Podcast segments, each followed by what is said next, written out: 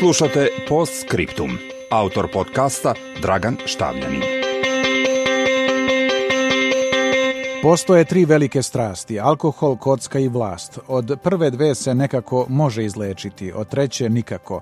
Vlast je i najteži porok, kazao je poznati pisac Meša Selimović. Naročito je karakterističan primjer Crne Gore koju potresaju afere. Biznismen Duško Knežević tvrdi da je dao vladajućem Đukanovićevom DPS-u 97.000 evra.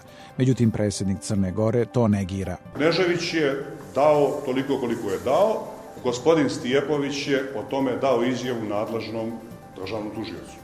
Ono što vam sa sigurnošću mogu reći, da je neistina da je dato novca toliko koliko je rekao gospodin Knežević. Đukanović demantuje da je bilo kom biznismenu naložio da finansira DPS. E, gospodin Knežević je kao i, e, i svi drugi ljudi u Crnoj Gori imao mogućnost da finansira e, i da pomogne onu politiku za koju je smatrao da će donijeti dobre benefite i njemu.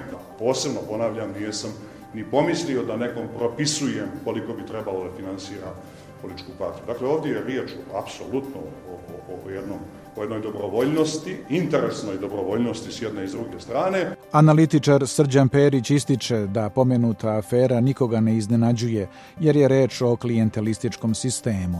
Što se tiče istine, vjerujem da mi svi znamo. Ključna je stvar šta ćemo mi sa tom istinom i da li smo mi spremni da se suočimo sa njom, da je mijenjamo. Nezadovoljni građani protestuju poslednjih nedelja tražeći ostavke ključnih funkcionera. Dosta je više ovom narodu vaše bahatosti i nepotizma.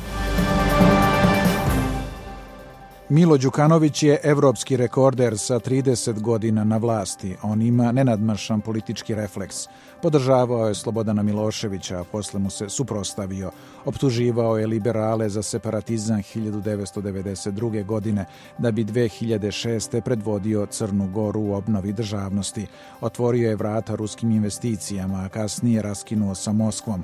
Međutim, ti zaokreti ga nisu politički slabili, već jačali.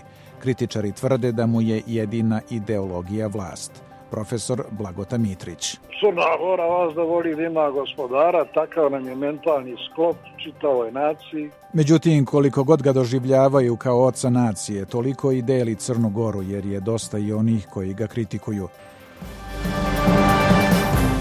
Đukanović se tri puta povlačio sa državnih funkcija, ali i vraćao. Florian Biber, profesor iz Graca, kaže da vladajuća partija i njen model vladavine zavise od jedne osobe koja sistem drži pod kontrolom, Mila Đukanovića. Stoga nema puno prostora za njegovo penzionisanje.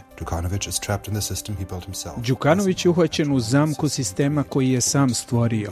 Demontiranje tog sistema dovešće do pojave lidera koji žele da žrtvuju Đukanovića. U tom sistemu je postao najmoćniji političar i stekao i metak koji kritičari procenjuju na stotine miliona evra. Međutim, paradoksalno sistem koji je Đukanović stvarao po svojoj meri može da se okrene protiv njega, što bi bilo i dobro za demokratske procese.